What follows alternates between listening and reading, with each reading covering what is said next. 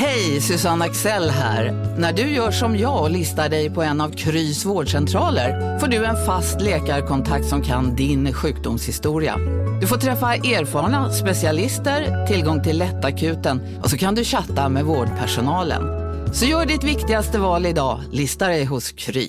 Välkommen till Maccafé på utvalda McDonalds restauranger med Baristakaffe till rimligt pris. Vad sägs om en latte eller cappuccino för bara 35 kronor? Alltid gjorda av våra utbildade baristor. Som medlem hos Circle K är livet längs vägen extra bra. Just nu får du som ansluter dig 50 öre rabatt per liter på de tre första tankningarna och halva priset på en valfri biltvätt. Och ju mer du tankar, desto bättre rabatter får du. Välkommen till Circle K.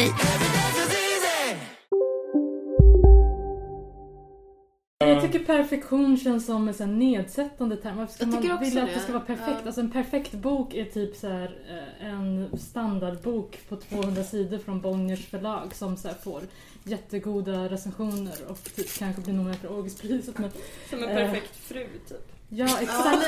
Ja, men. Stepford Wives är liksom, Ja. det är det perfekta.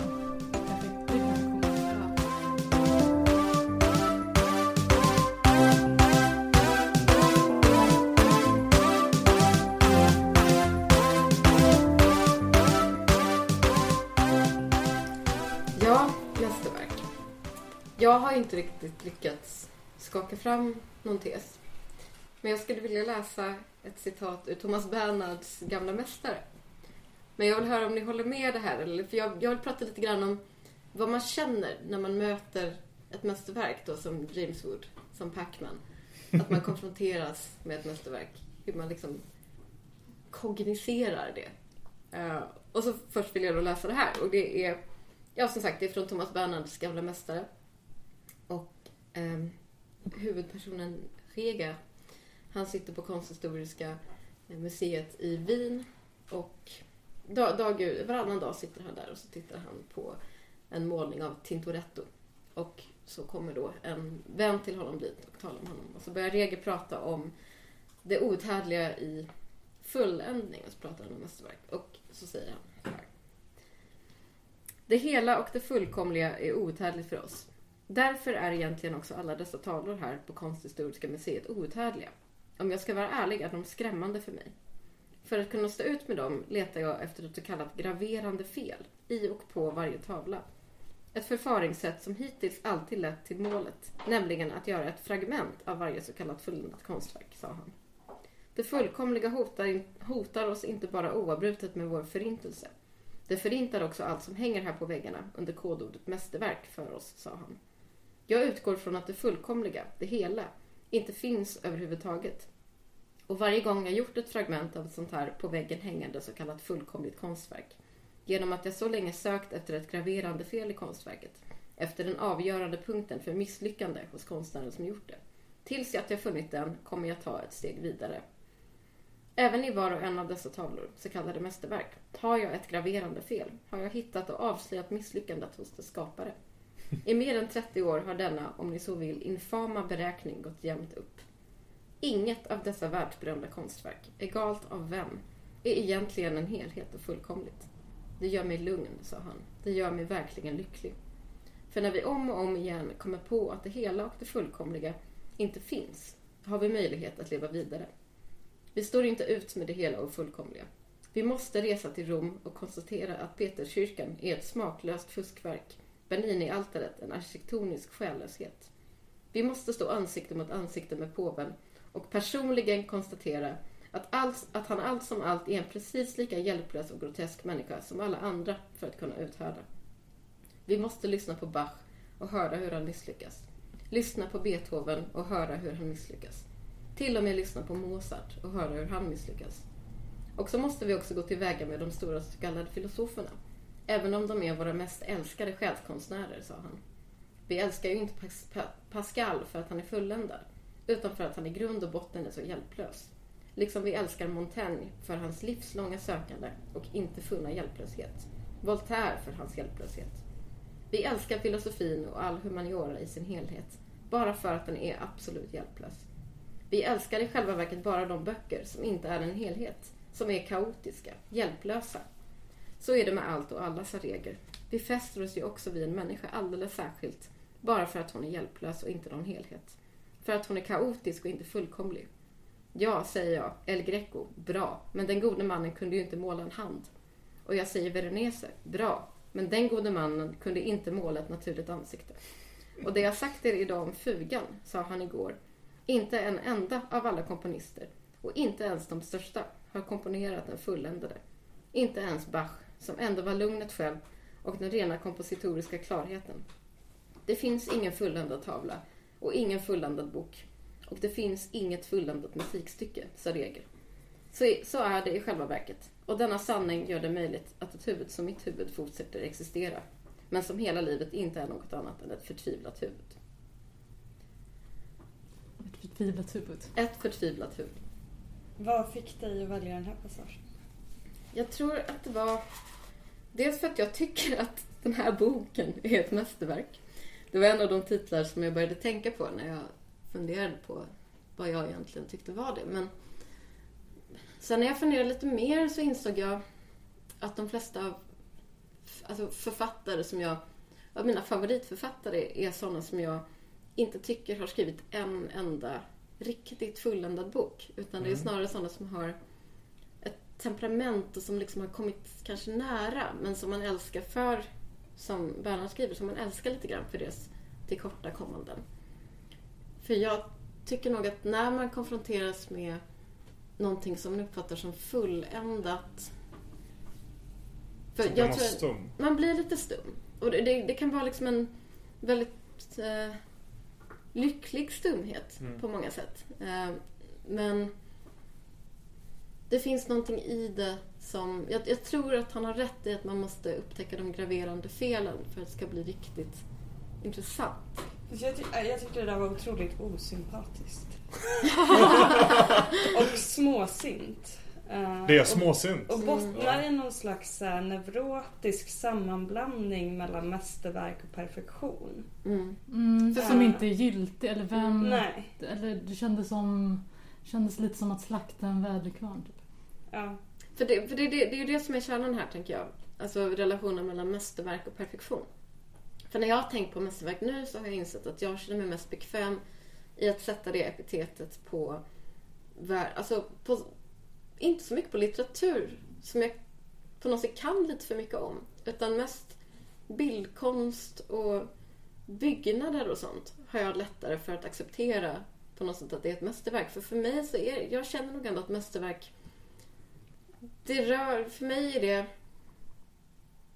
Jag pratade om det tidigare, att det visualiserar ett slags cirkelform när jag tänker på mästerverket. För mig är det någonting som är lite slutet på något sätt. Alltså där, det är någonting som nästan saknar konflikter, eller där konflikterna inte är synliga för mig och de kanske ligger långt tillbaka i tiden.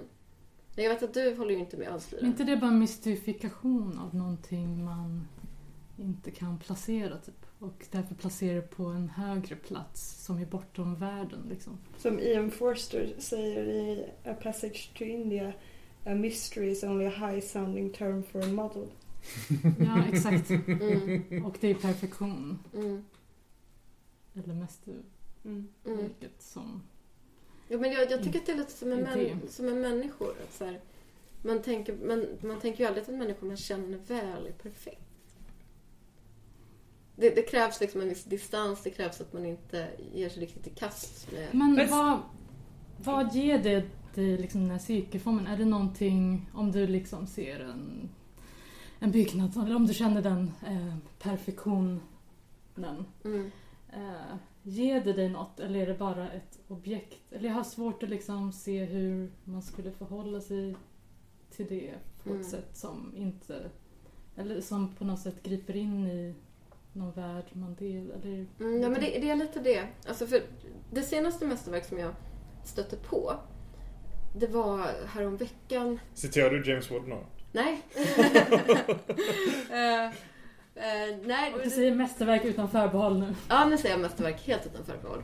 Det senaste mästerverk jag stötte på, det var häromveckan på Gemälde galleri i Berlin. Så är det, pågår just nu en utställning med verk av eh, Bellini och Mantegna renässanskonstnärer. Och så finns det en målning av Bellini som ni skulle känna igen, som ni säkert har sett, som heter Porträtt av... Eh, eh vad fan heter han? Doge Leonardo Loredan, tror jag. En venetiansk doge. Och det är liksom ett porträtt. Det, det är en, en lite äldre man i en kul hetta. eh, och en slags vit ämbetsmannadräkt mot en typ kleinblå bakgrund. Ehm, och jag har sett den reproducerad hur många gånger som helst. Och ja, jag, jag vet om, för så är det ju ofta med den formen av... Alltså mästerverk möter man ju ofta traderade innan man möter dem. Så att säga. Man, så här, Man ser dem alltid en andra gång. Ja, ja, exakt. Man vet alltid så här att det här är ju ett mästerverk. Mm. Och så kommer man in och så vet man att, ja, ja. Och så var jag på den utställningen eh, och så visste jag, jag tror inte jag visste att den målningen var där överhuvudtaget, men så hamnade jag framför den. Och då var det som att jag... För det, det, jag tror att det är lite den känslan som jag kände inför den som jag förknippar med mästerverk på något sätt. Att jag, jag fylldes av ett slags lugn. För att den är så extremt, extremt bra. Eh, och jag stod, stod framför den ganska länge och liksom tittade. Och fylldes av någon slags... Eh, Ja, men jag skulle beskriva det som lugn. Alltså, eller jag, jag känner så här att jag eh, förstår varför geometri anses heligt i många traditioner. Att det var någonting med på något sätt symmetrin och att den är så extremt skickligt målad den här. Och det är inte bara skicklighet utan det är också liksom ett uttryck som finns i hans ansikte som Bellini får fram på ett helt sanslöst sätt. Och så ser man när man står framför den målningen, man ser liksom hur den här dräkten är sydd. Typ. Man ser att blomsterdekorationerna på dräkten är broderade. Mm. Och så ser man exakt vad han har för hudkvalitet. Den här någon mannen. slags precision som du tänker är det mästerliga. Ja, jag tror att det handlar om... Mimetisk Pratade ju i morse om ditt uh, realismmotstånd. Ja, Men det kanske kommer, ditt mimetiska begär kanske kommer fram här. ja, det kanske är så. Eh, samtidigt som den, också är, den här bakgrunden är också väldigt bisarr. Mm. Ja, Det, ja. det, det finns ändå någonting i Okej, själva nu kompositionen. vi kunde prata om. Ja. Ja. Och jag tror att när jag... Jag tror att det är också därför så här, jag nästan aldrig använder termen... jag, jag tror inte att jag någonsin har känt så egentligen för litteratur som jag känner, för jag kan inte särskilt mycket om bildkonst egentligen. Och jag, som sagt, jag tror att det nästan är en förutsättning för att jag ska känna den sortens... eh, för ha- hade jag vetat mer så hade jag kanske sett att ja, men det där lilla penseldraget eller så här. Alltså, då hade jag nog sett fulhet i den på ett sätt som jag inte kunde göra nu. Men jag förstår inte vad det är med fulhet och imperfektion som skulle göra något till mindre av ett mästerverk. Ja, var inte det som var Bernhards poäng? Jag tycker hela hans så här, resonemang, eller, Eller så- karaktärens resonemang eller berättarens resonemang eller whatever, eh, är uppdriven kring någon slags vilja att nivellera allt och alla. Och typ någon slags neurotiskt begär till att det inte ska finnas någon exceptionalitet. Det ska inte finnas några helgon. Det ska inte finnas något som är större än jag. Typ. Du tänker att det är så här jante-resonemang? Är det inte, jag tänker att det snarare är att perfektionen inte är mänsklig. Mm. Det kan till och med finnas något religiöst i en sån tanke. Då läser du nog in det i den här Det är, alltså Nej, men det, I det här så- fallet gör jag det förmodligen. Men perfektionen tillhör inte människan. Nej men det kan jag hålla Det med om. Men det är just poäng. därför är, är ju ett konstverk, alltså ska inte sträva efter perfektion. Nej men, Mm, det, det är också det, det, han är... säger ju. Att liksom, det är ju när man upptäcker felet som det blir intressant. Ja men då, så, så, och i samma rörelse så nivellerar han på något sätt allting. Nej, Och säger att, att inte. påven är en lika hjälplös människa som alla andra. Ja. Liksom. Det, det, Det finns är en underliggande nihilism. Ja. Ja. Men... Eh, Det, ja, men, nej men det ja, men han kan väl ändå också samtidigt vara en större människa? Nu Ja, ja, och det han, tänker säger, jag... han säger jag inte att all, allt är exakt likadant naturligtvis. Nej, jag tycker det Det resonemanget ja. rymmer det och Ja, det tycker jag också. vad, vad, vad det säger är att perfektion, om perfektionen inte tillhör människan så är ju, så kanske utgångspunkten kan vara att det vackra tillhör människan. Mm. Nej, jag vet inte vad jag vill komma med det. Men det finns ju... det, det lät lovande. Ja, men alltså det finns ju... Eh, och för perfektionen är ju det avslutade. Det är vad det betyder. Perfekt, perfektion. Mhm. Eh, det är bara det som har hänt. Och det sättet att tänka kanske kan vara ett sätt att rädda mästerverket från sterilitet. Att om det finns någonting icke-perfekt i det, om det inte är perfekt så kan det vara någonting som fortsätter hända. Men vem är det som har tillskrivit mästerverk perfektion och sterilitet?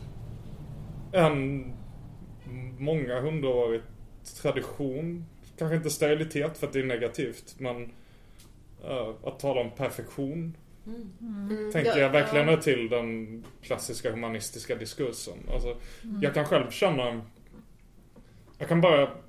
Jag kan bara komma på ett mästerverk som jag skulle kalla perfekt. Nej, två. Nej, ett. Men det som jag inte skulle kalla perfekt, som jag skulle nämna är bättre. Eh, Men det jag skulle kalla perfekt är Tegnérs Det eviga. Nu kommer vi Eh, tillbaka till den igen. LOL. Men, Varje Kom poddavsnitt så går det att få in den på det här. Men... men eh, jag tycker perfektion känns som en sån nedsättande term. Varför ska Jag tycker man vilja att det. ska vara perfekt? Ja. Alltså en perfekt bok är typ så här eh, en standardbok på 200 sidor från Bonniers förlag som så här får jättegoda recensioner och typ kanske blir nominerad för Augustpriset. Men Som en Eh. perfekt fru typ. Ja, Ja, exakt. lite så Ja, men. Stepford Wives är liksom, Ja. det är det perfekta. Det är, perfekt, det är perfektion. Ja. Ehm, och plus det låter som... Och så här, att stä- känna stillhet typ inför konst, är inte det bara så här, konst som ideologi typ? Ja, det, det, då är Mm. det bara konst kvar. Det är inte något specifikt kvar. Ja, eller ideologi kvar. Jag Ja, tycker ja, nog ja, att det men- finns någonting, alltså... Å ena sidan håller jag med. ehm, men samtidigt så...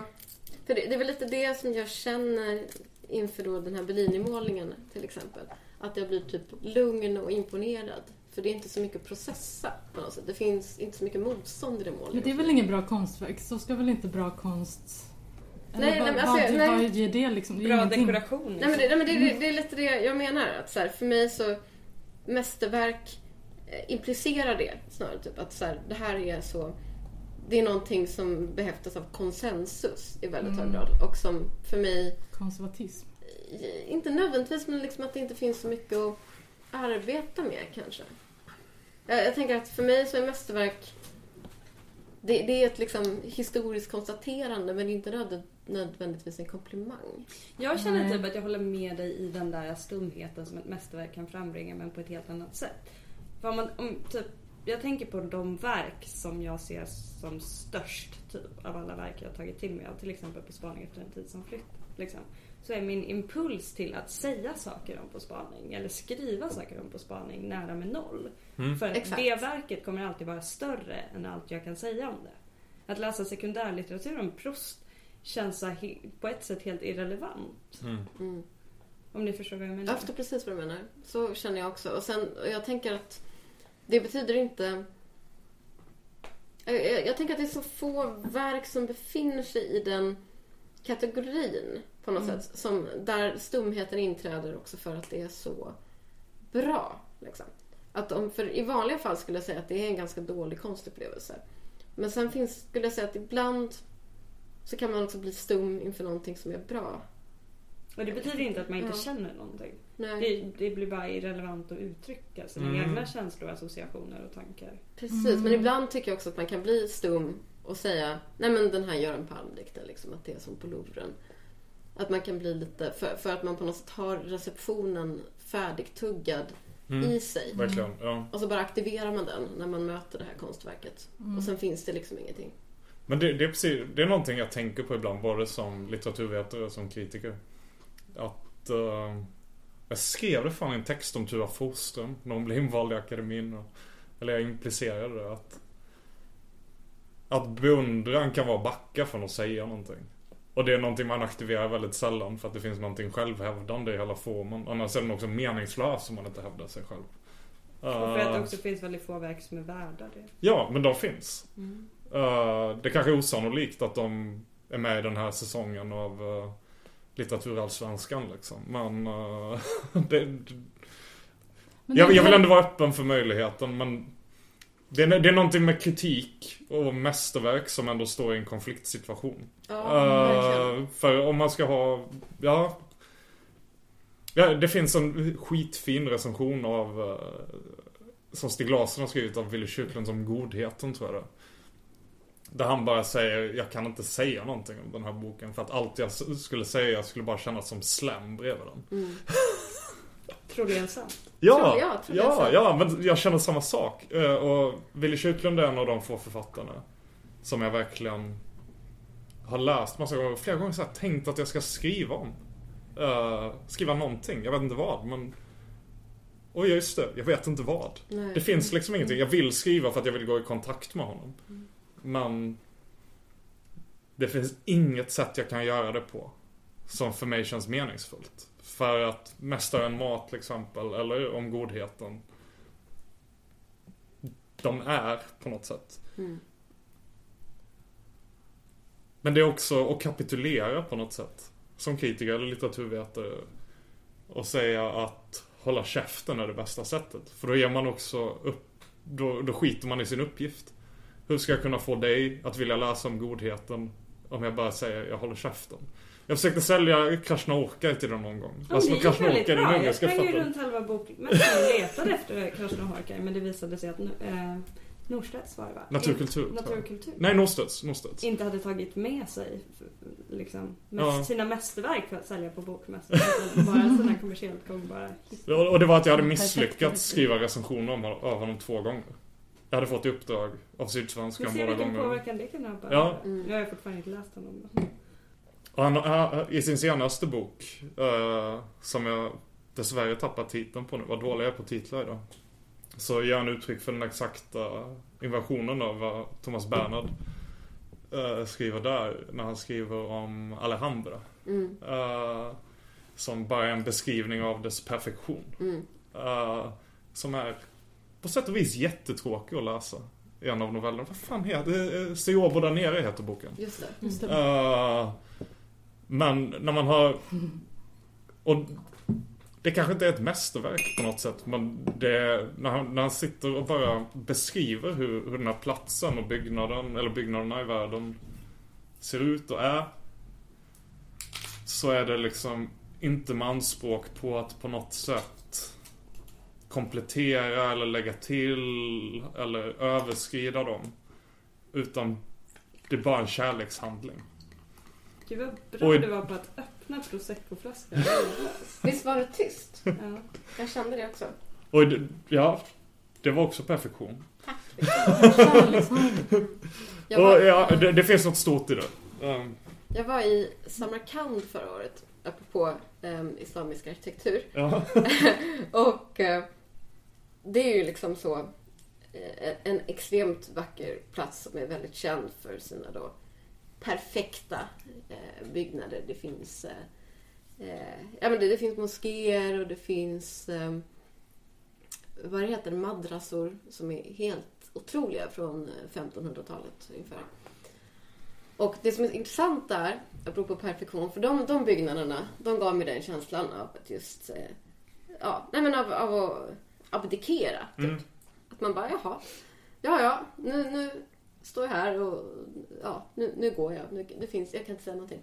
Men det som är så roligt där är att de är omgivna av sån extrem fulhet. För att det sovjetiska Samarkand som har växt upp runt den här islamiska stadskärnan, den, den är helt grotesk.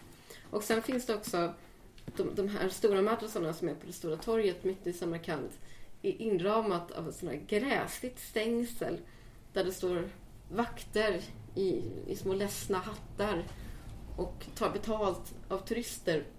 Och det är så mycket selfiepinnar och det är så mycket sån eh, ohyggliga souvenirer som är i omlopp runt de här byggnaderna. Och det tyckte jag på något sätt gjorde det hela väldigt... Jag men, det gjorde det till den sortens... Det var verkligen det graverande felet. Mm. Att man har det här under sjön och sen så har man det här.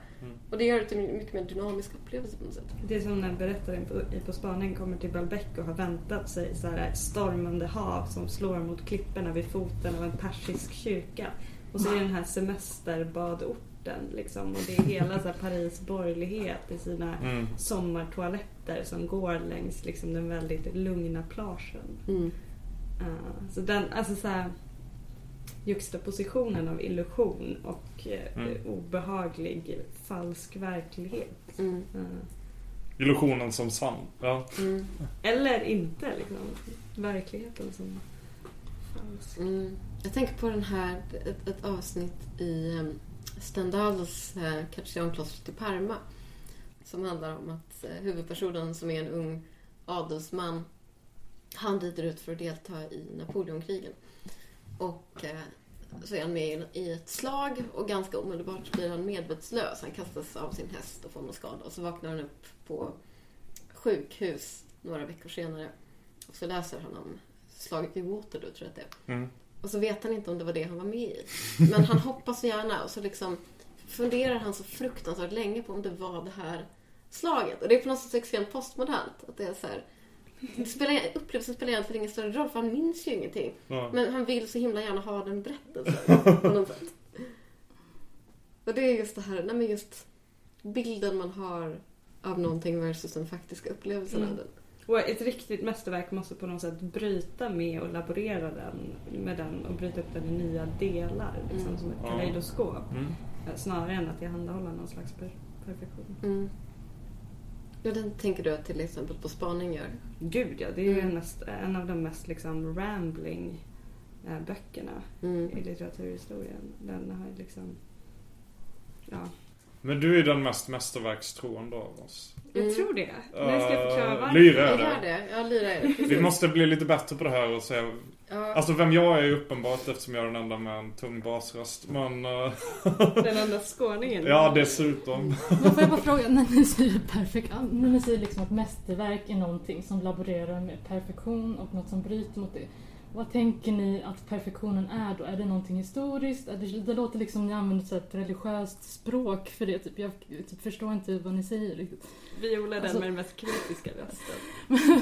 Men så här, eh, Nej men jag, någon, jag något att... ideal, men typ är det en, en historisk form? Alltså var kommer det ifrån? Eh, som sen bryts? Alltså finns det någon, finns det någon liksom specificitet i det? Typ, alltså någon så här historiespecificitet i det? I så här, idén, eller det, jag tänker att det nödvändigtvis måste väl göra det eftersom perfektion ju är någonting Mm. olika i alla tider mm. och det är ingenting bara ren, Nej. någon ren så matematisk Nej. Man kanske kan byta ordet perfektion mot ordet norm. norm. Nej, det kan vi inte. Nej, det kan jag Nej, inte. men alltså Eller kan när, man- när, jag, när jag sa det, när jag pratade om Kashnokij så är det liksom... eh,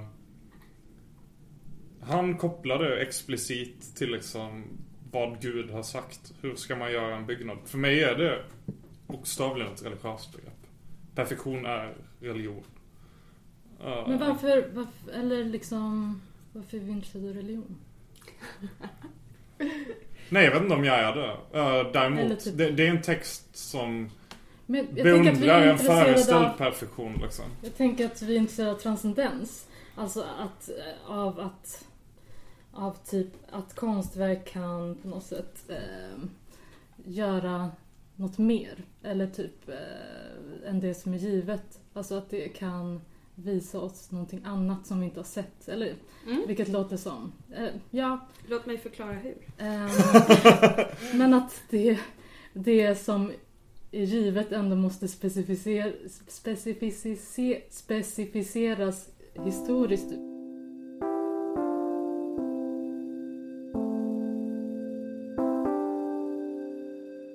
Litteratur är inte bara konst. Det är underhållning, journalistik, statussymboler, vittnesmål, religion och så vidare. Men vissa verk är också överväldigande på ett syfteslöst sätt. Låt oss kalla dessa verk för mästerverk. De fyller oss med en känsla vi inte kan beskriva, en omvälvd världsuppfattning, en genomgripande påminnelse om att vi älskar verkligheten. Med jämna mellanrum blossar det upp en kritik av genimyten på de svenska kultursidorna. Det är inte särskilt konstigt. Sverige är ett småsint janteland med en stark feministisk medvetenhet. Vi är misstänksamma mot så kallade genier, allra särskilt om de lever. Personligen tror jag att det är en sund skepticism eftersom patriarkatet tenderar att glorifiera medelmåttiga män och på grund av sannolikheten att man övervärderar sånt som händer under ens egen livstid för att man själv vill känna sig viktig. Kant menade att geniet ger konsten dess regler. Fri skönhet i naturen, som till exempel tulpaner, behöver inga regler. Men skönhet skapad av människor behöver det, eftersom vi är rationella varelser. Geniet är dock själv som en liten tulpan. Hans gåva är en naturprodukt som man visserligen bör göda och vattna och beskära, men som ingen kan mana fram i sig själv med viljekraft. Mediokra konstnärer kan därefter bara härma hans naturliga upptäckter. Ingen filosof har väl varit så misstänksam mot konstnärer som Platon, som menade att de inte intresserar sig för den verkliga verkligheten utan på sin höjd kan åstadkomma en representation av en representation. Simon Weil håller med om att de flesta författare är onödiga eftersom de bara serverar tröstande distraktioner och lögner.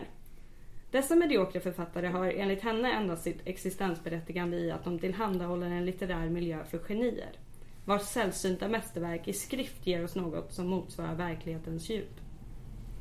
Iris Murdoch har, i Platons och Kants och Wales efterföljd, beskrivit denna förmåga som anamnesis, Platons begrepp för själslig insikt. Någonstans inombords minns vi något om verkligheten som vi har glömt bort hur man varse blir och riktiga mästerverk kan påminna oss om det. Murdoch insisterar också, med Freud, på att impulsen att skapa alltid är erotiskt laddad. Oftare leder den oss till romantiserade självbedrägerier än verklighetsupptäckter. Men precis som kärleken till andra människor är det samma typ av suspekta sexuella energi som ibland är förblindande världsfrånvänd och ibland, med Boyes ord, är den enda som verkligen ser. Hej Florian. Florian dricker. Så högljud drickare. Väldigt törstig. Kör på till en bra morsak. Okej. Eller? Jag blir väldigt distraherad personligen. Jag smaskar väldigt mycket. Ja, jag ändå läser det är lätt Så det- Under hela sitt liv kämpade Murdoch med insikten om att hon som författare var second rate. Jag säger insikt snarare än självkritik eftersom jag är ganska övertygad om att hon hade rätt. Hon var inget geni. Och åtminstone om man ska döma efter hennes egen standard som i princip är avgränsad till Shakespeare, Dostojevskij och Platon. Möjligen, om man stretchar ut konceptet en hel del, kan The Sea the Sea sägas vara ett mästerverk. Själva denna tändning visar dock vilken elastisk kategori mästerverk egentligen är. Man känner sig genast frestad att räkna in Wolf, Stein, Lagerlöf. Den uppmärksamma lyssnaren noterar nu att de författarskap som är placerat precis utanför kategorin av första klassens genier råkar vara kvinnor. Jag tror att det har varit och fortfarande är svårare för kvinnor att bli genier. Den allt mindre populära feministiska konsthistorikern Germaine Greer har en rätt bra förklaring på varför. Citat. Det finns ingen kvinnlig Leonardo, ingen kvinnlig Tizian och ingen kvinnlig Poussin. Men det beror inte på att kvinnor är utrustade med livmoder, att de kan föda barn, att de har mindre hjärnor, att de inte har kraft och uthållighet eller på att de saknar sensualitet. Anledningen är helt enkelt att man inte kan skapa stora konstnärer av människor som har fått sitt ego förstört, vars viljekraft är skadad, vars libido har drivits bortom kontroll och vars energi har splittrats i neurotisk skenaktivitet. Om största delen av ens energi går åt till att emotionellt bära och stötta och lappa ihop egot för män och barn och vänner och bekanta tills man börjar intala sig att man egentligen inte vill något annat så får man sin libido skingrad och kan inte älska verkligheten med geniets intensitet. Iris Murdoch hade inga barn men många kärleksaffärer och som Wolf en tämligen mild och stöttande make. Hur det än må vara med hennes libido skulle jag vilja säga att hennes exempel för mig bevisar att mästerverk varken är någon stabil eller klart avgränsad kategori. Här och där i hennes ofta röriga, utdragna, underhållande romaner glimtar det till av någonting mästerligt som får en att tappa andan, hoppa över ett hjärtslag, frysa till, fyllas av en svällande värme inombords. Insert lämplig klyscha som på något vis uttrycker det obeskrivbara bättre än vad en beskrivning som tror sig kunna fånga det gör. Med andra ord råder en diaspora av mästerlighet genom litteraturhistorien. Här och var är den mer koncentrerad. Och om man känner sig hågad att utropa att åtminstone Proust var ett hundraprocentigt geni så är det bara för att man ännu inte har läst hans löjliga debutbok Nöjena och dagarna. Frågor på det? Det jag tänkte hela tiden, hela tiden, liksom från fyra meningar in, var jag önskar att det är sant. Men du tror inte att det är det? Nej. Vilken del? Eller vad menar du? Alltså det är fint det där. Uh, Wow, inte alls paternalistiskt. förlåt. Förlåt. Jag menar inte det så. Jag, jag, jag önskar verkligen att det var så. Jag önskar att liksom geniet är den som skapar tulpanerna. För, för förenkla det extremt mycket. Uh, men det finns någonting metafysiskt i det där. Mm, jag Som jag, som jag har... Jag, jag, jag, jag kan önska så starkt att det är så. Att liksom det finns ett par människor som skapar lager genom sitt skapande. Men, Jag men det jag, jag tror... Och, De skapar ju inte naturlager enligt Kant då. Fast det utan, blir utan ju- lager för vad konsten ja, ja precis. Ja, vara. men det blir nästan som att skapa lager. Det blir för att skapa vad som är vackert. eh, och, och vad som är stort. eh. och i, i någon mening tror jag liksom det är sant. Det var Shakespeare gör. Uh, allting efter Shakespeare är ju, står i förhållande till Shakespeare nödvändigtvis liksom. Så stor är Shakespeare. Eh, Och Murdoch säger till exempel att så här, hon börjar en av sina essäer i estetik med att säga Shakespeare var den största av alla författare. Jag börjar med det här påståendet och sen bygger jag min estetik utifrån det. Mm. Så det jag försöker säga med det är typ bara att så här, man måste utgå från mästerverk för att kunna beskriva vad konsten är och gör. Och i den bemärkelsen ger, konst, äh, ger mästerverk konsten dess principer. och mening kanske. Eh, Att man- man har en standard. Ja, eller Mm. någon slags riktmärke. Mm. Liksom. Men det finns också i det här liksom Och, och det här tror jag inte du delar med mig Lyra. Men jag, jag fascineras själv av det mediokra. Hur känner ni inför det mediokra bara för att vända på mästerverket? Jag, jag har, jag, jag vet många som blev förbannade av det mediokra. Gänget! Vad är vårt motto? Nej, allt är inte alltid som du tror. Nu täcker vårt nät 99,3 procent av Sveriges befolkning baserat på röstteckning och folkbokföringsadress. Ta reda på mer på 3.se eller i din 3-butik. Big Mac har miljarder fans över hela världen. Under mer än 50 år har den skapat popkulturell historia. En legend med 100% nötkött och den mytomspunna såsen. Nu finns Big Mac för bara 39 kronor på McDonalds. Hej, Synoptik här. Livet med glasögon ska vara bekymmersfritt. Därför får du 30% på alla glasögon när du väljer Synoptik All Inclusive. All service ingår alltid. Välkommen till Synoptik. Uh, Vad menar du när du säger det mediokra? det var du själv som drog upp det mediokra i Så texten. du menar typ dussin författare? Mm. De som liksom... Vilket måste vara de flesta. Rimligen måste nästan alla författare vara mediokra. Mm. Uh, annars saknar begreppet mening. Uh, det vill säga nästan allting jag läser är mediokert. Mm. Uh, Men det finns ju grader av mediocrity. Men skulle du säga typ att Sylvia Plath är ett mindre västerverk, eller typ en 16, än Proust? För att de har en krossad libido. alltså det... Skingrad, inte krossad. Ja. Jag är inte så förtjust i Plath själv. Alltså jag tycker att det är svårt att tala, jag, jag ser mig inte som en objektiv smakdomare i den bemärkelsen.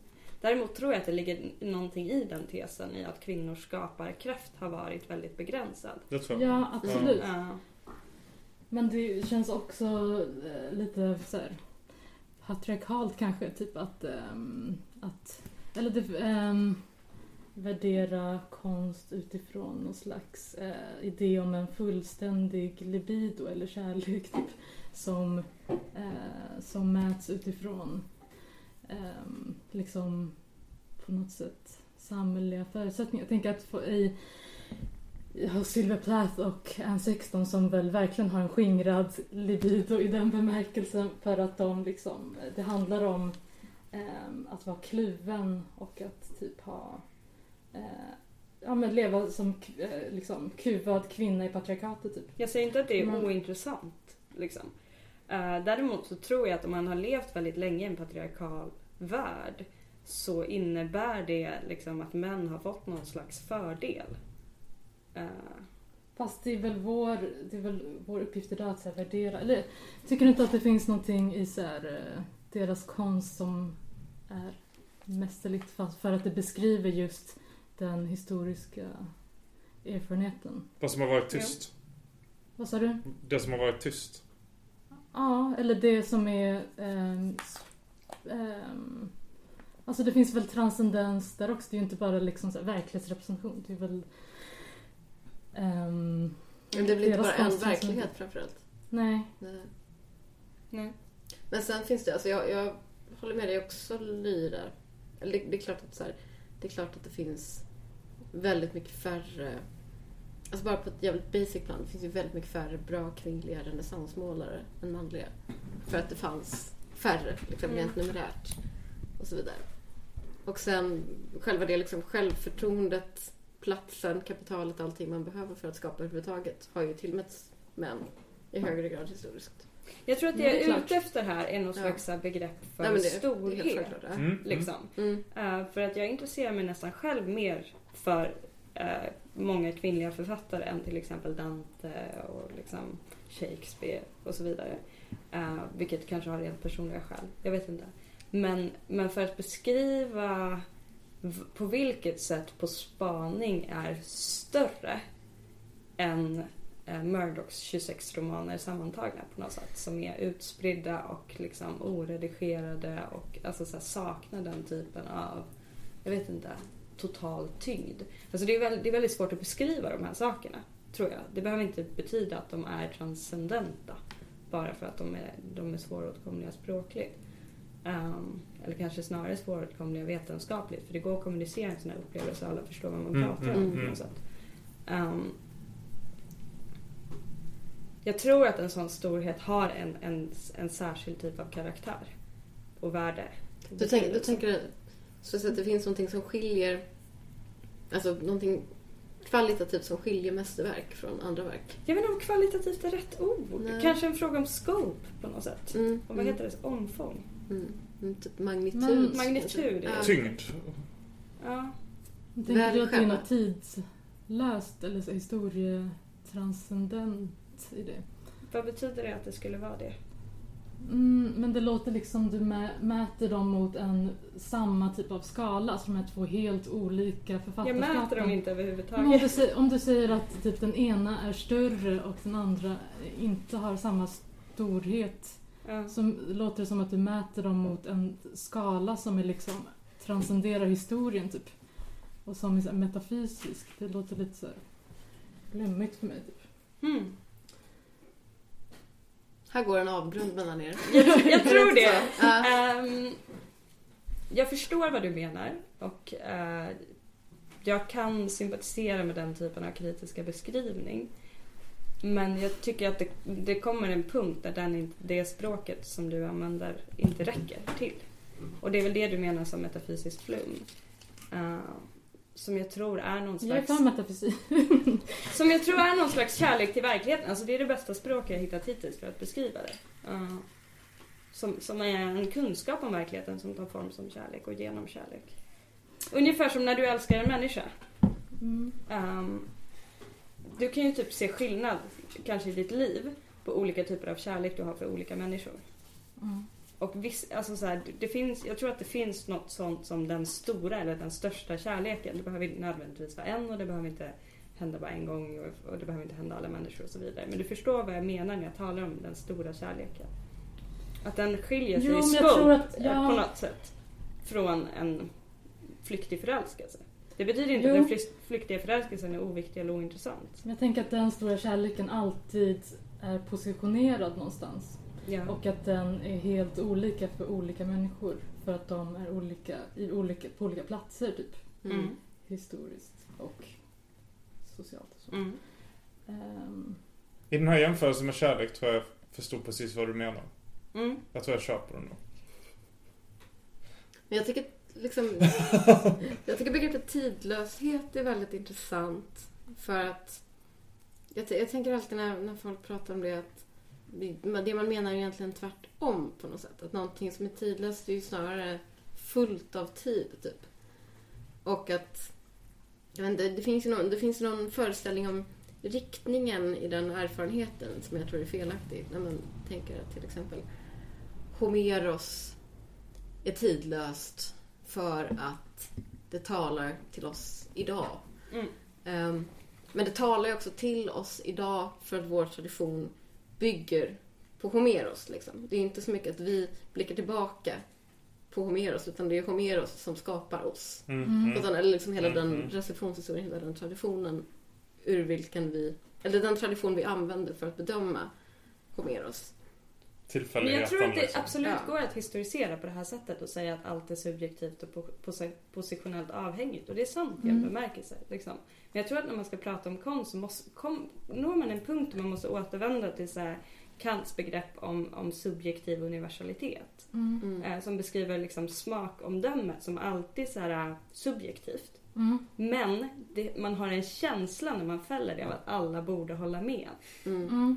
Och i den finns det som någon slags någonting som kallar på mänsklig enighet som är Mm. en så här imperfekt typ eh, dragningskraft. Mm. Adorno det. skriver samma sak. Mm. Vad sa du vem? eh, Adorno beskriver ju i Lyrik och samhälle eh, det sanna konstverket som är det som förmår att subjektivt förmedla det objektiva. Alltså, och samtidigt som det transcenderar det objektiva. Det, alltså, alltså ett konstverk som genom sin specificitet samtidigt förmår liksom ehm, alltså är grundat i historien och i samhället. Ehm, men samtidigt också eh, så som konstverk transcenderar det historiskt objektiva. Mm. Och det är också en typ av transcendens som, fast den transcendensen är alltid liksom ehm, transcenderar utifrån en historisk objektivitet. Som kan, och det, det kan man väl beskriva som så här, den stora kärleken eller något. Eh, men att den ändå alltid är så här, specifikt. Mm. Eh, och därför också ehm, Därför också känns det lite konstigt att prata om mästerverk. Om, mästerverk, om man definierar mästerverk som det som kan transcendera det givna så känns det eh, som att man också måste prata om mästerverk som ehm, inte som något tidlöst utan som någonting som Nej men ingenting är ju händer- tidlös. Historiciteten är inte heller tidlös eller beskrivbar från en objektiv position. Liksom. Men jag tycker att mästerverk i den meningen, för vi använder begreppet lite olika mening. Alltså för mig, det som jag pratar om när jag pratar om Berlin till exempel, det är att mästerverk snarare befäster det givna snarare än transcenderar det givna. Det mest, de, mästerverken för mig, det är någon slags... eh, Och som sagt, jag skulle inte säga att jag använder mästerverk i en... Alltså jag pratar om det snarare som en social kategori tror jag. Än, ah, okej. eh, ja, än, än som någonting som jag... Som sagt, för en, en del av mig tycker att mästerverk är lite grann en dödsdom. Eller att det avslutar ett verk, det ordet. Mm, mm. Och att mästerverk på något sätt, det är, det är liksom... eh, Jag vet inte, det är lite som ett världsrekord. Mm, Guinness rekordbok. Ja, precis. Men det, men det är inte sagt, för jag håller med dig om, jag tror också att någon form av begrepp om kanske det sublima typ, behövs för att kunna tala om konst. Eller liksom om Mm. den estetiska erfarenheten. Vad menar du när du säger det sublima? Mm. Ja, men sublima är kanske fel ord. Det är väl men- samma sak som transcendens, eller? Kants sublima är ju när vi konfronteras med något som är så överväldigande stort att vi känner oss krossade i vår mänsklighet. Och sen blir vi på något sätt påminda om att vi har en transcendent mänsklighet, det vill säga vår, vår moraliska förmåga. Det vill säga klimatkrisen. Ja. Ja, till exempel. Uh, Fast jag, Klimatkrisen jag, jag, jag, vet inte om. Kant hade rätt i att vi faktiskt blir påminda om att vi har någon slags transcendental mänsklighet utöver vår Eh. mänsklighet. Mm. Men,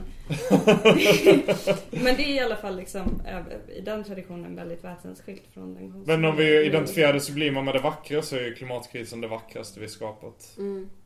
Uh, Det är det största totalkonstverket. ja. Vad är det som är så fint? Jag vet inte. Finns det inte något vackert i att vi har blivit så mäktiga? Att vi lyckats utplåna oss själva? Så mäktiga att vi inser hur hjälplösa vi är som Ja. Thomas Mm. Bernhard skulle ha sagt. Jag menar det är väl eh, liksom exakt den uh, sträng alla Hollywoodfilmer spelar på. Mm. Eller exakt alla Hollywoodfilmer. En viss typ av Hollywoodfilmer spelar på. Mm. Jag kan tycka att det finns något vackert i... Alltså att klimatkrisen är ett mästerverk. I Ja. någon mening. Eh, och som visar både det fantastiska och det fruktansvärda.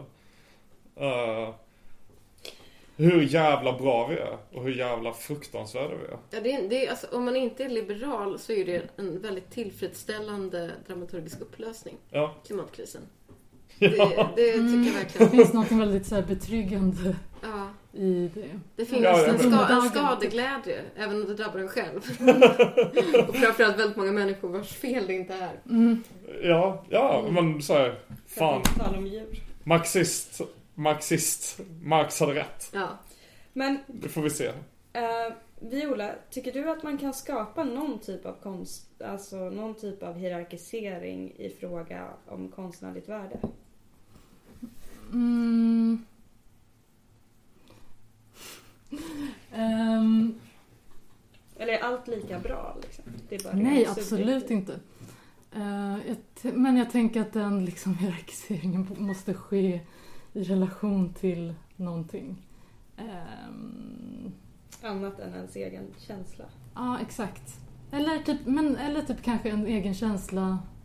Men, eh, men också se att den känslan springer ur någonting som är större och mer objektivt än en själv. Mm. Ehm, Ja, verkligen. Och när du säger att- och att objektivt så typ- menar du bestämt av den materiella Ja, historien som omger den. exakt. Så då är det man säger egentligen bara ett mekaniskt omdöme som tiden yttrar om sig självt. Eh, det är väldigt liksom pessimistiska eh, liksom, sätt att se på det. Nej, Anders Johansson skulle till exempel säga det. ja, Att uh, författare är utbytbara med varandra, hörde jag honom säga på bokmässan. Ja, det stämmer ju ofta. Jag tänker inte att det är mekanistiskt så länge man inte vet vad utfallet blir. Typ. Eller hur man ska reagera eh, alltså, som subjekt när man möter ett konstobjekt. Och att det finns någonting ogreppbart och obegripligt och liksom transcenderande i det. Men att det mötet alltid kommer eh, betingas av mig som subjekt så som betingad av den Ja. objektiva historiska eh, omgivningen och verk- Mm. Men det håller jag med dig Mm. Skål. Men ska vi, ska vi försöka vända det här till en mindre abstrakt Ja. diskussion för att Ja. avsluta? Mm. För jag tänker att vi För våra hade... icke-adornianska lyssnare. Ja, Exakt. eh, för det började i en konkret halva och sen så... På gott mest, skulle jag säga. Uh, sen är det upp till ni som lyssnar på er som lyssnar på det här. Att säga vart fan vi hamnar. Men, eh, men, men skulle vi kunna prata om, för att... När vi mejlade innan det här så hade vi någon idé om att vi skulle ändå bara flexa några mästerverk. Mm. Eller? Ja, Eh, Jag känner att jag och Rebecca har gjort det lite grann. lite grann. Mm. Men jag har jag har också gett upp ett par liksom. Ja, jag kör men, hårt. Men nej, jag, jag vill inte börja. Jag vill höra för, att, för, för vi, har, vi har dunkat upp lite för många definitioner. Jag vill inte säga Shakespeare eller Dante, det känns meningslöst. Och det känns också lite meningslöst att säga Fick ner känns Shakespeare. lite meningslöst. Tegnér känns också lite meningslöst. Ja, Men... lite. Förlåt. Slightly. Förlåt att jag har en hang-up på det Men eviga. Men det eviga är ju evigt va? Kan inte jag få läsa bit om, eh, Gom, ur Gombrowicz dagbok för er? Jo, det kan Vi kan klippa bort det sen möjligen för det är lite Nu, långt. nu Men, kom Florian också. men det är Hej, du gillar Gombrowicz! Ja. Eh, för här, här diskuterar han sin egen på något sätt eh, eh, socialt historiskt tillskrivna position som eh, mästare. Och så skriver han om sig själv i tredje person i sin egen dagbok. Han vet egentligen inte vad han ska ta sig till med den Gombrowicz som han sedan någon tid tillbaka möter i utländska tidningar. Redan en internationell och europeisk person, redan nästan en världsberömdhet. En svaghet som är desto mer förödmjukande som detta är ett typiskt Gombrowicz-problem. Vad kan vara mer Gombrowicz som tema och problem än en personlighet som ständigt blåses upp och sväller av berömdhet? Och det går inte för sig att han i en så ytterst personlig och självupplevd sak följer redan utstakade banor. Nej, här måste han finna sin egen lösning. Och på frågan på vilket sätt ska jag vara stor? måste han komma med ett alldeles personligt svar. Inte kommer han att tillgripa sådana lösningar på storhetens problem som redan är kända för det stora flertalet och har blivit allmängods. Till exempel en Anatole France affekterade virtuositet. Men inte heller en Dostojevskijs bondska, enfaldiga, sluga och lidelsefulla storhet är användbar. Den är honom förresten fullkomligt främmande.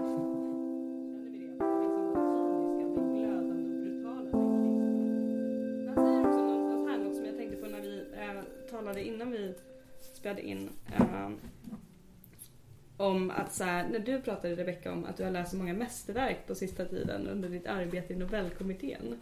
Eh, som, som har en särskild typ av genre och stil. Mm. Att eh, han säger att så här, storverk ofta typ knuffar en i sidan samtidigt och bara säger Se hit, kolla här, jag är stor. Ja, men så, är, så är det verkligen. Ja, så är det verkligen. Och med vissa författare, ehm, nu, nu kan ju inte jag nämna några namn, men, men med vissa författare tycker jag att det är väldigt tydligt. Eh, Och det, det är inte, alltså dels från deras sida, att de, man, man ser att det här är liksom projekt mästerverk. Då är det en lång jävla historia där um, sen kanske följer en eller två släkter och så tvinnas deras öden ihop under en längre period för att belysa en viss historicitet. Att belysa vissa skeenden. Sen fin- det finns också liksom Buddenbrooks-lagen. Både, ja, precis, precis. Och det, det finns, som vi pratade om, att jag, jag tycker att det finns en syn på litteratur som en slags material eller konditionsidrott, typ. Att ju svårare det är att sy ihop det här, ju mer post-it-lappar man behöver, desto mer av ett mästerverk är det.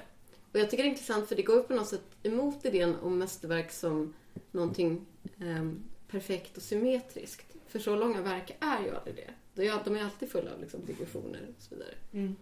Jag vet inte, jag kan bli ganska provocerad av det där. Alltså, så här duktiga väl- böcker. Ja. Men, men för att, när, du, när du sa det här Ja. så tänker jag att du på två olika sätt beskrev en bok jag faktiskt skulle kalla ett mästerverk. Men som också är... Jag har pratat med många Inger Christensen-läsare. Jag har också pratat med gan- ganska många Inger Christensen-forskare. Och eh, de behandlar precis som jag själv har gjort liksom, alfabet eller det. Mm. Men tänker Eller Fjärilsdalen. Ingen närmar sig den. Den är ett mästerverk. Den är perfekt. Den är perfekt Den är och den är perfekt. helt symmetrisk. Den är, ja, exakt. Jag, jag tänkte faktiskt på den. Ja. Den är objektivt symmetrisk. Jag tänkte faktiskt på den eh, i, i relation till det här. För det, det är nog den mest så fulländade bok jag känner till. Ja, jag. ja, jag tror också det. Det, det är en sonettkrans. Ja, Hur många? Det, det, det är en mästersonett uh, som jag nu inte kommer ihåg reglerna för. för men- det, det är väl att det är... eh, Hur många det rader borde är det vara, är det 12 rader? Så det är att det är 12 12. dikter. Precis, det, jag tror att precis. Det, jag tror att en sonett är 12 rader. Eller är den 14 rader? Något sånt. Är inte 16? Vi vet inte. Jag bara slänger ur mig en. Men en sonett Det här är väldigt är... pinsamt för där undervisar jag studenter. Ja. Eh, En, en sonett är ett visst antal rader. Och sen finns det något som heter mästarsonett. Där man skriver en sonett bestående av första meningen i de övriga sonetterna. 14. 14. Okej, så det, det är då ja, 14 sonetter och en femtonde som är en... Det är som bilder som har en rad från varje sonett. Mm. Som har föregått den. Är det inte inledningsraden i varje sonett? Jag kommer inte ihåg. Nej, inte. Men jag tyckte det var intressant. Och, den, och, sen, och, och det blir en meningsfull dikt. Ja, ja, den är Och så det, underbar. och, den är, och det är den vackraste dikten i hela boken. Ja.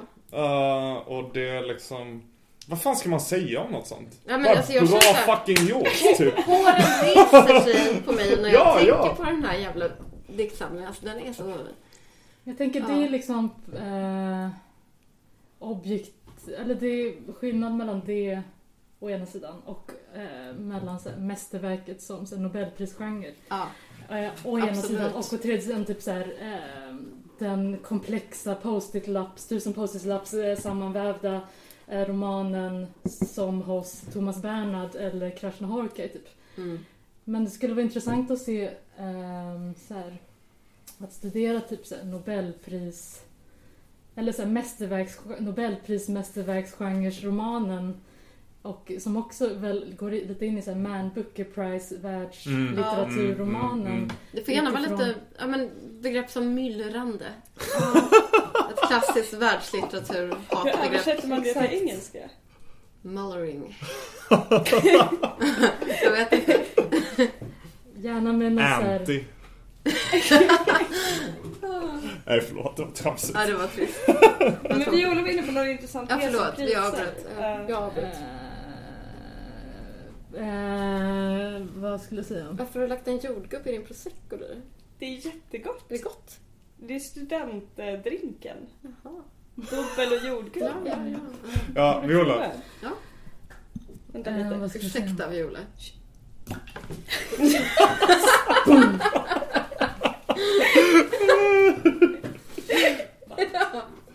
Kan ha den som avslut. Ehm, nej men det skulle vara intressant att studera ehm, typ så här, det, uppkomsten av den genren. För det är verkligen en så här, genre som... Det känns som att Nobelpriset lite har glidit in i det också med de senaste så här, Man Booker Prize-ifieringen av Nobelpriset. Mm. Ehm, Vad menar du när du säger det? alltså typ... Kas, vad heter han? Kasiguru Ish, ka, Ishiguro. Kazuo Ishiguro. Ja. Och eh, som väl... Har inte han blivit nominerad till eh, Man Booker? Säkert. Han måste ha menar- fått det. Jag menar liksom så här, litterära verk som eh, gör anspråk på att vara mästerverk. Ja. Men det, jag tycker Som det är är en väldigt genre intressant. typ. Som Det är är, en verkligen en extremt tråkig och provocerande genre och som är väldigt kommersiellt gångbar. Jag har tänkt på det Ja. jättemycket i relation till Iris Murdocks författarskap som på många sätt är så misslyckat. Liksom, någon har till och med sagt att så här, misslyckandet var hennes projekt. Naturligtvis säger man det om någon som inte riktigt kan redigera sina romaner. Eh, men The Sea, The Sea har just fått Man Booker-priset och är en av hennes konventionellt sett mest lyckade romaner. Och, alltså den, och jag skulle också säga att den är den som enskilt verk betraktat eh, är mest stor. I det jag försökte, enligt det jag Mm. försökte beskriva tidigare. Men det är, inte, det är inte den bok som jag skulle säga typ har berört mig djupast och mest. Alltså, det är hennes författarskap som helhet som jag tycker är intressant. Men Mm. just hennes författarskap som helhet riskerar att falla i glömska för att det finns väldigt få sådana små monument i det. Mm. Liksom. Mm. Ja. Det är Så som så Chimamanda Ngozi här tidiga noveller är det bästa hon någonsin skrivit. Typ. Mhm. Och sen så blev hon så här Man Booker Prize-författare typ, och skrev så Americana och så stora, ni vet, amerikanska. Ja. Halvgul sol. Eh, den är väl tidigare. Ja. Ja, men ja, den den fick ju. Orange Prize kanske. Ja. Ja, Men den är ju en sån roman. Alltså, ja det är just, också Ja. Politiskt viktig. Mm. Uh, Biafra-kriget. Ja. Mm. Ja. Mohsin Hamid är också en sån. Mm. ja. Det får gärna ha något så här diaspora-tema Mm. fast på ett så här ganska light sätt typ. Mm. Som är så här sval, sväljbart. ja. Som ändå har en vit publik. kärlekshistoria. Man, ska, man skulle gärna se... eller? Men jag har en liknande favoritförfattare som du har, Murdoch. Ja. Alltså Lars Jakobsson. Som Mm. jag ofta tjatar om för er liksom. Att alla hans romaner är fantastiska misslyckanden. Det är liksom... Han kanske, han kanske har skrivit en som når nära någon form av fulländning. Jag skulle inte kalla det perfektion uh, vid den stora floden. Men det är fortfarande en så märklig bok liksom. Mm. Mm. Uh, och, och liten i någon mening. Vi, vi pratade om det tidigare idag. Uh, att det finns... Ja, du sa det också tidigare i avsnittet kanske. Att... Jag alltså. Ja, Rebecca sa det. Förlåt. Jag bara kollar på henne och pekar och pratar. Uh, Som om resten av världen att å, å ena sidan finns det författare som skriver de medvetna mästerverken. Som riktar in sig på det. Å andra sidan finns det jävligt bra författare. Som liksom på något sätt, det känns som att deras deras sätt att vara fantastiska är utspritt i en massa böcker. Eh, utan att det blir ett monument av det. Mm. Uh, det blir inte den här fan ordpyramiden eller vad fan det är Horatius skriver. Uh, utan det är bara, det är en, en utspädd, Mm. något utspätt underbart. Uh, A muddle. Mm. Ja, som man, man kan vara i för att man lär sig tycka om typ något sätt att lägga meningar efter varandra. Eller typ Lars Ja. Jakobssons sätt att ha en extremt långsam redovisande stil där det ibland bara spricker upp underbara bilder i. Och i och med att det inte är ett monument så kan det komma närmare verkligheten. Ja, ja. Och det är ett tänkande i det. Ett tänkande Ja, som ja. man känner sig befryndat med. Eller inte känner sig befryndat med, men som, en, som gör en otroligt intresserad. Jag tror Stig Säterbacken är så för mig. Ja, Han har ja, aldrig skrivit en perfekt verkligen. roman, men Nej. alla är intressanta för att de på något sätt är... Men ingen av dem kan hissas högst upp, högst upp på DNs boklista. Nej, nej. Uh, Tycker ni att det råder en sån norm nu att man ska skriva såna böcker som är typ prisromaner mer än det har gjort tidigare? jag vet inte om det är mer än tidigare, ärligt talat. Men Mm. Nej, jag vet, nej, jag vet inte om det har ökat, men jag, jag tycker ju att det finns en sån norm. Absolut. Absolut. Alltså att det finns, det finns ju mer Det finns mer en logik både bland oss kritiker och, och bland de som lägger ut böcker på oss. Mm. Eh, Och jag skulle säga att vi är lika skyldiga. eh, Båda parter liksom och vara del i någon slags race to Augustpriset. Mm. Och det är så Mm. dåligt. som är liksom eh, Ja. Lennart Johanssons pokal. Eh, Det är den man lyfter i slutet av säsongen om man har vunnit eh, den svenska litteraturallsvenskan. Precis. Eh, Ballon d'Or. Ja, precis. Och... Och, men vi, vi, fan, jag är också delaktig i det. Jag faller också in i en sån logik. Jag kommer också med såna formuleringar. Det här är vårens roman. Det är en av årets bästa böcker. Ni, kanske inte gör det i samma utsträckning som jag, men jag faller åtminstone in i det. Ehm, samtidigt som att de författare jag respekterar otroligt mycket. De kommer aldrig vinna Augustpriset. Till exempel Ia Genberg från förra året. Så jag tyckte skrev en helt jävla briljant roman. Och som jag sen har läst andra av. Det, det kommer aldrig bli någonting med det. Men det kommer finnas någonting som är utspritt fantastiskt. Mm. Som jag kommer kunna leva med och gå och läsa om i många år. Och problemet med kritiken, problemet med vad vi gör och problemet med hur hela situationen är upplagd att det går inte riktigt att berätta om det här. Det går inte att berätta om det utspridda mästerverket. Mm. Eller det, ge en bild av liksom ett författarskap som någonting att leva med. Som du har gjort med Murdoch som jag tycker är så jävla vackert. Du har varit med henne i flera år. Mm. Eller hur? Mm. Tänkt Jag med har henne i inte flera gjort år. så mycket av det än, men... Nej, det spelar väl ingen roll. Nej, Det är du- det är läsande som kärlek. Mm. Det vill säga vad det grundar sig och vad det är från början. Mm. Ja. Uh, och, och det är det man vill ha. Jag, jag känner, jag har samma sak med Lars Jakobsson liksom. Mm. Jag, Men du är ju en väldigt monogam läsare. ja. Det var Simone Weil innan. Mo- Monogamy with benefits. Ja, ja, ja nej, men, ett nej men jag, jag, har inte, jag har inte gjort det så mycket innan Way och Murdoch.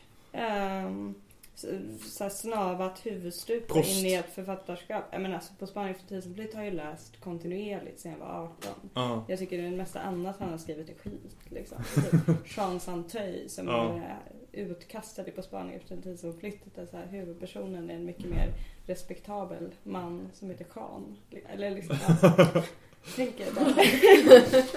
Och tredje Onekligen person. lite sämre. Det är ganska mycket detsamma. Men har, Eh, Rebecca och Viola, har ni såna här utspridda mästerverk som jag kallar det? Det är jättedåligt. Utspridda genier, ja, kanske. ja, jag vet inte vad jag vill kalla det. Men jag har inget bra ord för det. Men, Mm, måste tänka lite. Författarskap som är stora utan att vara stora. som är en värld kanske. Mm. Eh, en livsvärld som man tycker om att vara i. Absolut. Thomas Bernhard är nog min Ja. främsta sån. Som det, det, ja, men det är författare som det är ganska svårt om man försöker förklara deras story för någon och de vill att man ska rekommendera en bok. Och Ja. man är så här, eh, Alla. ja alla. Så, för det finns... Det är klart att det finns de som är bättre och de som är sämre men det är inte där poängen ligger. Då brukar jag fråga, Mm. vem är du som läsare när folk bara, vad ska jag Mm, läsa om Murdoch? mm. Typ. Gillar du lyckade romaner? Det är nästan aldrig någon som svarar ja på den frågan. Mm. Gillar du perversa, mörka, cyniska romaner? Det är däremot många som svarar ja. Mm. Säg något om min bekantskapskrets kanske. Vad har du Viola? Ah, jag måste tänka. Gud. Eh, kommer inte på något. Tänk positivt. ja, Välj läsglädjen. jag tänker på... jag tänker på vilka som vunnit Augustpriset. Nej, vilket straff! Ja, gud. Du är subjektet som be, be, bekräftar Hans Ulrich Gumbrechts teori. Mm. Vilken teori. Om att vi har förlorat kapaciteten till uh, historiskt varande. Eh, Ja, absolut. Jag tänker så här, Edmund.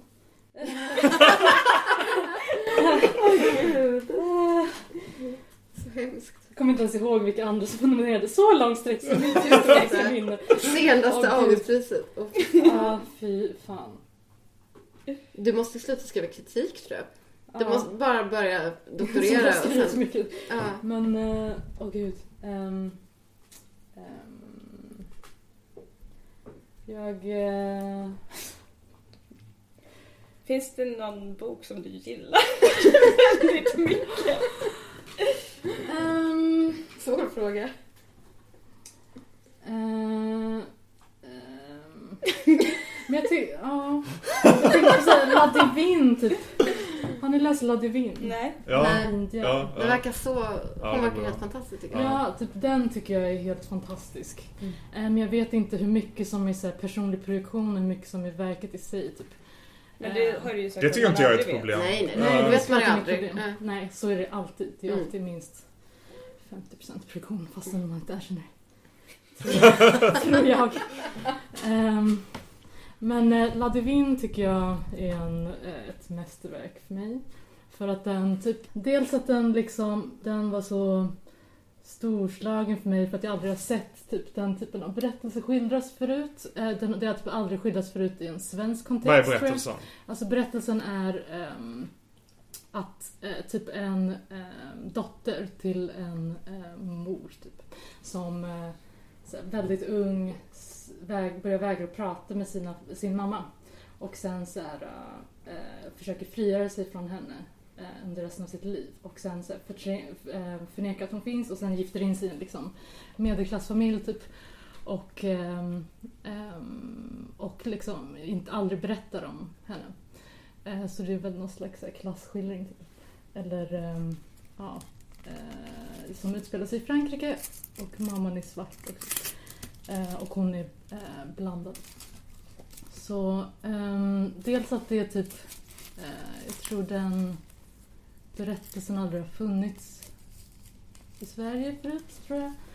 Ehm, så den på något sätt avtäcker den avtäcker väl liksom subjektivt det objektiva om vi ska återknyta. Mm, mm, mm. Ehm, på, samtidigt som den också liksom har ett så här magiska element och så här, uh, jättekomplicerad berättarstruktur och så här, hela andra halvan är bara en jättekonstig eh, parti när den utspelar sig i något så här okänt land där det händer en massa så här, magiska saker och så här, folk förvandlas till hundar och eh, förvandlas tillbaka typ och det är så här, massa dubbelgångare och sånt. Så det, den är både liksom berättar någonting som eh, finns överallt eller som, eh, men som inte har och som synliggör något som inte har berättats förut. Samtidigt som den också typ komplicerar det. Det är inte bara en sociologisk liksom, eh, reflektion utan att den också gör det... Det känns som att den både avtäckte men också komplicerade det den avtäckte. Liksom. Mm. Och komplicerade Det är så nära avtäckandet. kärleksförklaring du kommer i det här programmet. Ja, jag Ska öva på det här med kärlek. Ska vi prata om det nästa Kärlek. Konstig stämning det blev nu. Kärlek. Prata om kärlek är nästa... Alltså, Nej. du är nog mest intresserad av kärlek av oss tror jag. Jag tar En. tillbaka det. Mm. Det blev inte alls kärleksfull stämning. Det blev jättedålig stämning. Ja.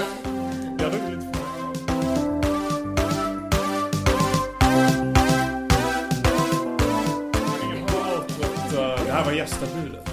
Er kultursida i etern. Och sen viskade lite sexigt. Det går inte att göra på du skånska. det? Går inte att göra på skånska. Viska lite sexigt. Nej, det går inte att göra på skånska. Jo men prova. Det var gästabudet. Er kultursida i etern.